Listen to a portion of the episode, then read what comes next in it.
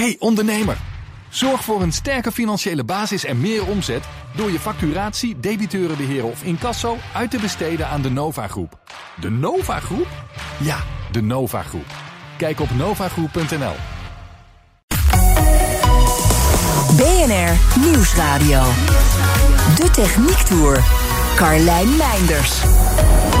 Zon, zee, strand en techniek. Deze zomer gaan we op Tour de Techniek langs de leukste, bijzonderste of meest leerzame afleveringen van het afgelopen seizoen. Tijdens deze tour zijn we maar op één locatie, maar wel op een hele bijzondere. We gaan aan boord van de Pioneering Spirit van All Seas, het grootste werkschip ter wereld. Mijn gids voor vandaag is Jos Haarman, hoofd van de afdeling Heavy Lift Engineering. Het schip ligt op de Tweede Maasvlakte in de haven van Rotterdam. En om er te komen moeten we eerst met een kleiner bootje. Jeroen, varen we zo meteen een rondje om het schip? Want dat is wel leuk, dan kun je goed zien hoe groot het schip echt is. Ja, want ik weet natuurlijk wel dat, uh, dat hij groot is. Honderden meters lang. Maar toch is het best moeilijk om je daar iets bij voor te stellen. Je zult zo meteen zien als we komen aanvaren. We liggen nu op een diepgang van 11,5 meter. Dan heb je nog 20 meter aan staalmuur totdat je op het hoofddek bent. Zo. En dat is imposant. Hoe stappen we überhaupt op zo meteen? Ja, daar zul je achterkomen. Er is een hele lange gangway. Aantal trappen die je omhoog moet gaan. Ja. En uh, dan ben je op het hoofddek. Spannend hoor. Het originele idee uit de jaren 80 was om twee grote olietankers aan elkaar te lassen. Dat idee hebben ze laten varen. Maar de voorkant bestaat wel nog steeds uit twee delen. En daar gaan we als eerste een kijkje nemen. We varen nu langzaam het slot in van de Pioneering Spirit. Welke bijna 60 meter breed is en dik 120 meter lang. We varen nu onder het schip door eigenlijk. Tussen het schip door. Hoe, ja, hoe zeg je dat? tussendoor. Ja, Ja. Het is een, een voorkant is een katamaran vorm. Ja, Ehm, dus we varen nu tussen twee boegen. wauw. En klopt het dat toen die hierheen werd gehaald... dat de vaargeul toen eh, niet diep genoeg was? Ja, we hebben speciaal voor de Pioneering Spirit eh, de Maasvlakte iets uitgediept. Ja, Zodat we hier eh, goed op verschillende diepgangen kunnen liggen. En dat is handig, want dan kunnen we hier ook verschillende testen uitvoeren. oké. En wat voor soort testen moet ik dan allemaal aan denken? En de systemen die we aan boord hebben, die moet je eh, testen op een testgewicht. Een loadtest noemen we dat. En eh, daarvoor moet je een bepaalde diepgang hanteren om de sterkte van het schip te kunnen garanderen. Ja, en, en blijf je dat eigenlijk altijd doen, die testen? Eh, volgens de certificatie moet je dat elke vijf jaar herhalen. Oké, we varen nu achterlangs. En dan zie je inderdaad hoe gigantisch breed het ook is. Aan de achterkant is hij wel dicht. Ja, klopt absoluut. En het is zelfs zo als we achteruit zouden varen dat we een ijsklasse hebben. En dan kunnen we ijs breken. Oh, echt? Waardoor je op eh, bepaalde gebieden ook je werk kan uitvoeren. Tijd om aan boord te gaan volgens mij. Ja, absoluut. Nadat we allemaal een corona-sneltest hebben gedaan... trekken we de veiligheidsspullen aan en is het tijd voor een heleboel trappen. Daar heb ik even mijn volledige concentratie en beide handen voor nodig. Maar dan staan we een beetje buiten adem... 20 meter boven zeeniveau op het grootste werkschip ter wereld. Groot is in dit geval eh, 382 meter lang en 124 meter breed. Zo, gigantisch. Gigantisch, ja. En alles wat hierop staat is ook gigantisch. Het is Ja. net alsof je een industrieterrein eh, opgewandeld bent. Een speeltuin voor eh, engineers. Ja, Ja. ja. dat kan ik me heel goed voorstellen. Bijvoorbeeld hier, we zijn nu op het voordek. We zijn op het voordek, ja. Dit is het gedeelte wat er een beetje uitziet als een katamaran. Ja, dat klopt. En daarbovenop, op die twee delen die uitsteken, staat, nou, ik weet niet eens wat het is. Het is gigantisch. We kijken naar wat wij noemen het eh, topside lift systeem. Ja, Eh, dat bestaat uit 16 balken die zijn gemaakt voor het eh, heffen van bovenbouwconstructies. eh, voor het liften van platforms op de Noordzee. ja, die zijn zwaar, hè? Ja, die zijn zeker zwaar. En die zijn in verschillende vormen en maten. Dus de balken kunnen in drie richtingen gemanipuleerd worden. De positie op het dek kan in horizontale vlak anders worden neergezet, afhankelijk van de constructie. Ehm, maar ook in de verticale richting kunnen we het een en ander aanpassen. Ja, want hoeveel gewicht kan dit tillen? Eh, 48 miljoen kilogram. Zo. Ja. Kan je niet eens bedenken hoeveel dat is? Nee, nee, wij drukken het graag uit in tonnen, dus 48.000 ton. Ja. Uh, ter referentie kun je een oude Volkswagen Golf gebruiken. Die weegt ongeveer 1 ton. Nou, dit moest waarschijnlijk speciaal hiervoor ontwikkeld worden ook. Dit, dit uh, koop je niet bij de bouwmarkt. Nee, dat klopt helemaal. Uh, het is uniek in zijn soort. Het bestaat niet in deze afmetingen, in deze grootte. Ook niet in deze hefcapaciteit. Um, en Olsies is een bedrijf wat niet alleen schepen bezit... maar ook een grote ingenieursclub heeft. Uh, en die hebben heel veel van deze dingen die je hier ziet zelf bedacht. Ja, want wat gebeurt er als we, als we nu naar een platform zouden varen... en hij gaat doen wat hij moet doen? Wat, Ja. wat zouden we hier dan zien? Nou, de balken worden op de positie neergezet die past bij het platform wat we willen gaan liften. Ja. Ehm, en vervolgens varen we er omheen. Dus vandaar ook de katamaranvorm. Dus de kat, twee katamaranboegen die gaan ze om het platform heen. Ja. ehm, om vervolgens eh, de balken te kunnen verbinden met de sterke punten van zo'n bovenbouwconstructie. Die zitten daar al opgebouwd om die reden ook natuurlijk. Ehm, soms bouwen we ze in de voorbereidende fase zelf op. En soms wijzen we sterke punten in een constructie aan. En dan stempelen we daaronder. Ja, je drukt ze er tegenaan. Ja, dat klopt. En dan? Als we het systeem gaan verbinden, dan bouwen we langzaam de kracht op. En vervolgens gaan we wat we doen, een fast lift. En de fast lift, dan bewegen we platform, dus die 48 miljoen kilogram, in 9 seconden 4 meter omhoog. Nee joh. Ja, zeker weten. En ehm, het systeem is uitgerust met verschillende drukvaten voor lucht. eh, ook voor stikstof en eh, heel veel hydrauliek. Die al die kracht opbouwt om vervolgens in 9 seconden dus die 4 meter omhoog te kunnen liften. Waarom wil je dat eigenlijk zo snel doen? Nou, je moet je voorstellen dat het schip op zee ligt. Het beweegt. Ja. En zo'n bovenbouwconstructie of zo'n heel platform, dat staat vast in de wereld. Dus als iets vast in de wereld staat en jij beweegt, dan wil je niet dat hij weer terugstuitert op zijn onderbouwconstructie. En deze 4 meter die is normaal gesproken genoeg om dat te voorkomen. Ja, en dan is hij gewoon gelift en dan kun je hem meenemen. In Ja, principe. ja, precies eigenlijk wel ja. Ja. Dan varen we langzaam weer achteruit. En dan varen we naar de haven waar we hem eh, willen ontmantelen. In totaal heeft dit schip nu 11 bovenbouwconstructies verplaatst. In acht gevallen ging het om de verwijdering van oude topsides en drie keer installeerden ze een nieuw platform. Op het moment ligt het schip in de haven van Rotterdam. Is het dan gewoon aan het wachten op de volgende opdracht? Eh, een beetje van ja, maar ook van nee. Eh, we zijn eh, enerzijds aan het wachten op de opdracht. Het is nu midwinter.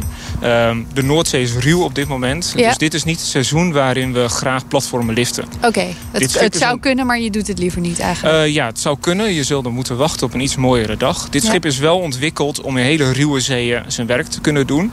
En typisch is dat tussen maart en oktober of november. Nou, het is nu februari, dus het is nu koud Mhm. het is heel onstuimig. koud, ja. Ehm, dus we wachten, daar, eh, wachten tot de seizoenen daar zijn. Eh, ondertussen bouwen we aan de achterkant van het schip het jacket lift systeem af. Ehm, we zien hier het topside lift systeem. Dat is dus voor de bovenbouwconstructies. Ja, Maar vaak zijn deze ook op stalen onderbouwconstructies. Die we dan jackets noemen. Eh, en die willen we ook tot 20.000 ton in één keer uit het water kunnen tillen. En naar een werf kunnen brengen voor het ontmantelen. alsof het niks is. Alsof het niks is. En die zijn nu die zijn we aan het afbouwen. Die zijn we aan het afbouwen. Eh, net zoals het topside lift systeem is dat een eigen ontwerp. We hebben dat met verschillende subcontractors eh, bedacht. Maar heel veel dingen zijn in Delft, in het kantoor in Delft, waar Olsies is gevestigd, eh, bedacht. Ehm, gemaakt heel, over heel de wereld. En komt nu samen in Rotterdam om afgebouwd te worden. En ja, Om zijn werk te kunnen gaan doen straks. om volgend seizoen vier opdrachten te gaan doen. Dus dat is Oké, die staan al gepland. Jazeker, Dus ja. het moet werken straks het allemaal. moet gaan werken. Stel nou dat, dat er straks geen eh, platforms meer in de zee staan. Stel dat we stoppen met al die boringen. Wat, wat gaat dit schip dan doen? Nou, dit schip is niet alleen bedacht voor het verwijderen van olieboorplatformen, ook voor het installeren ervan. Dat is wat nog steeds gebeurt. Uh, maar we zien ook steeds meer uh, transformatorstations die geplaatst moeten worden in windmolenparken. Die zijn groot en die worden steeds groter en zwaarder. Ja? Um, ja, er zijn weinig schepen in de wereld die die kunnen installeren. En het voordeel van dit schip is dat je aan de wal alles kunt afbouwen. Olsies komt langs met de Pioneering Spirit, pakt hem op en installeert hem. En dat heeft een heel groot voordeel. Dus dat is ook een beetje de toekomst dan voor jullie? Dat is een onderdeel van de toekomst, absoluut. Kunnen jullie ook iets met die windmolens zelf? Ja, Ja, zeker weten.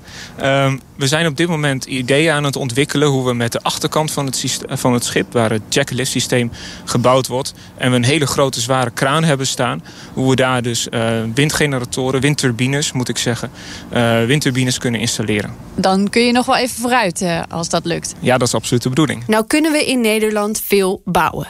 Maar in het geval van dit schip niet alles. De romp van het schip is gemaakt in Zuid-Korea. Kunnen we dat in Nederland niet? Zo groot? Dit is wel exceptioneel groot. Ja. Het was zo exceptioneel groot dat, het, dat er nog niks voor bestond, waarschijnlijk. Behalve dus in Zuid-Korea. Ja, dat klopt eigenlijk, ja. Dit schip is ook in twee delen gemaakt.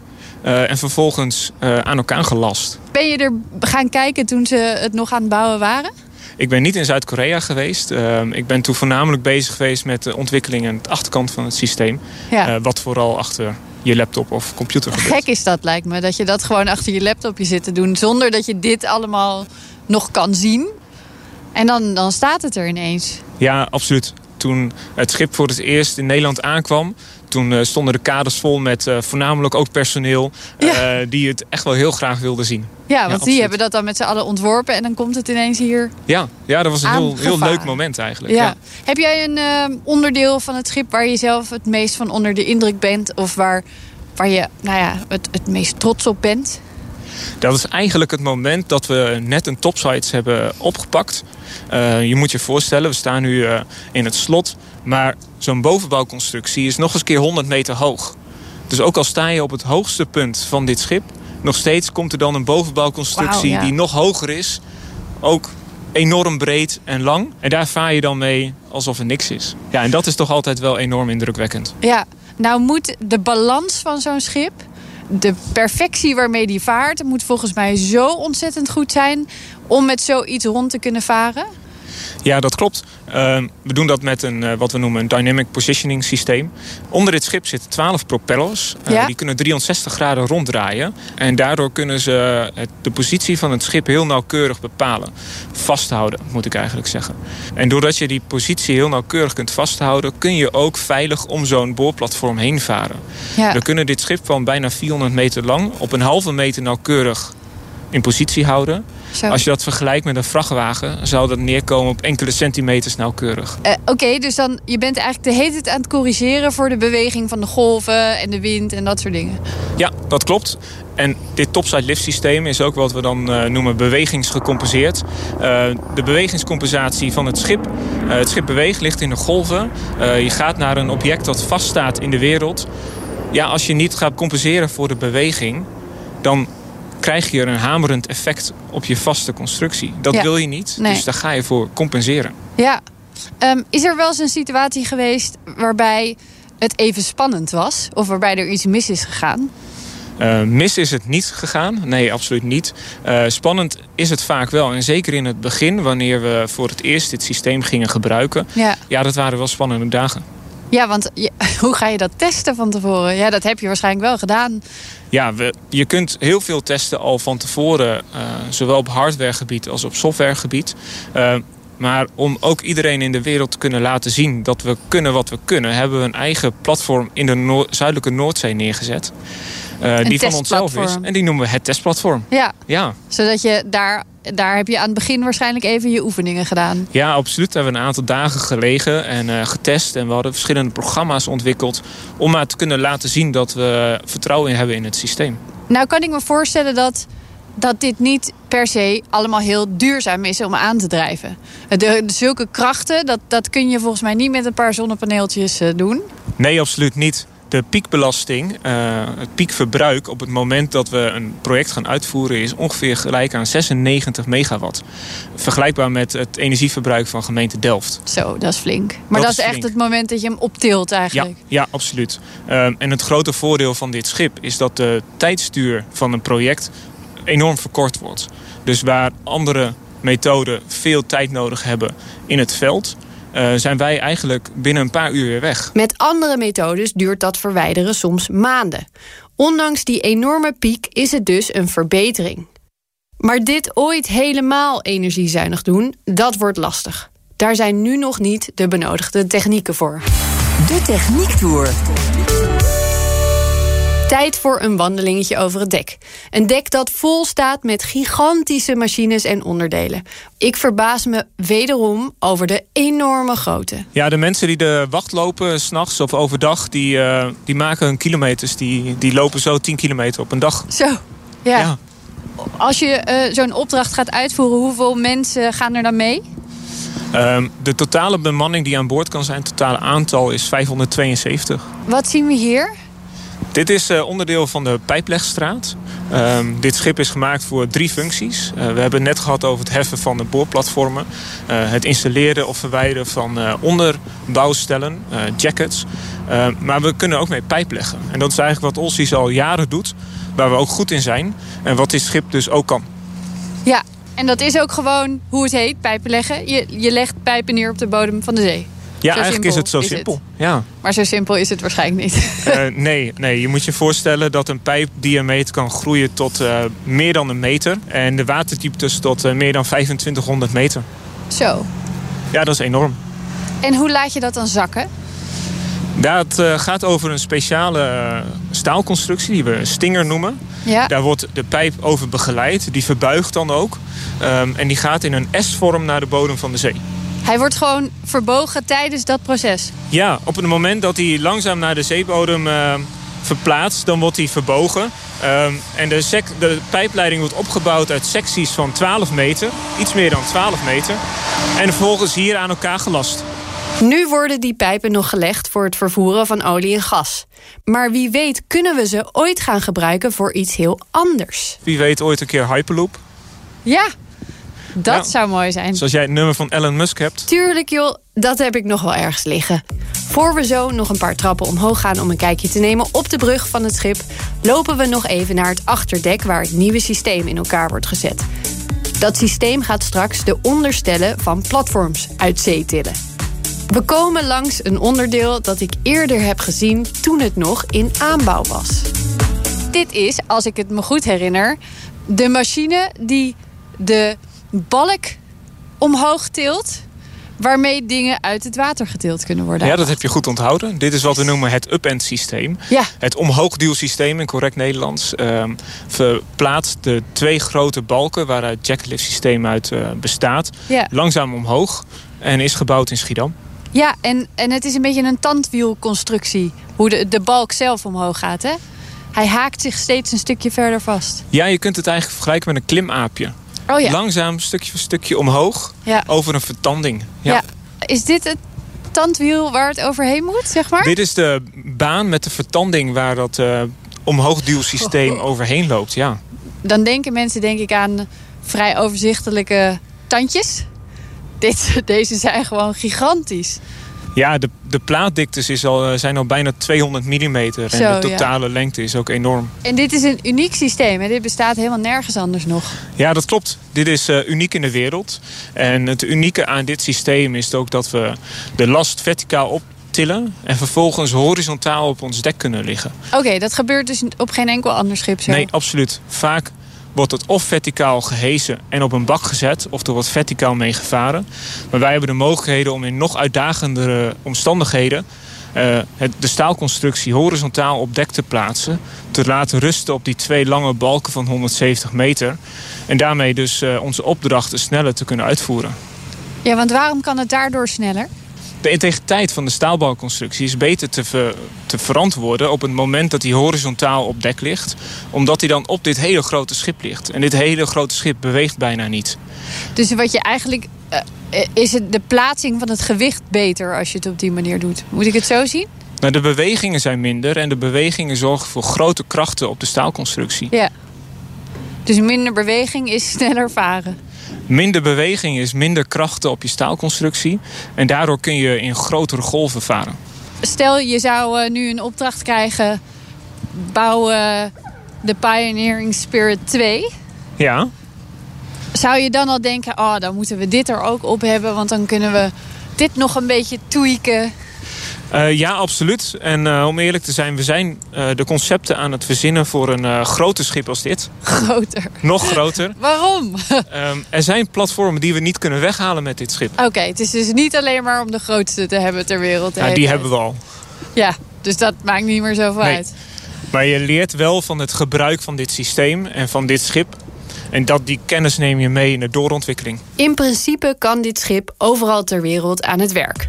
Maar omdat er nog zoveel te doen is in de Noordzee... zijn ze voorlopig druk zat hier in de buurt. Het is tijd om richting de brug te gaan. En dat is op zo'n enorm schip heel goed voor de stappen tellen.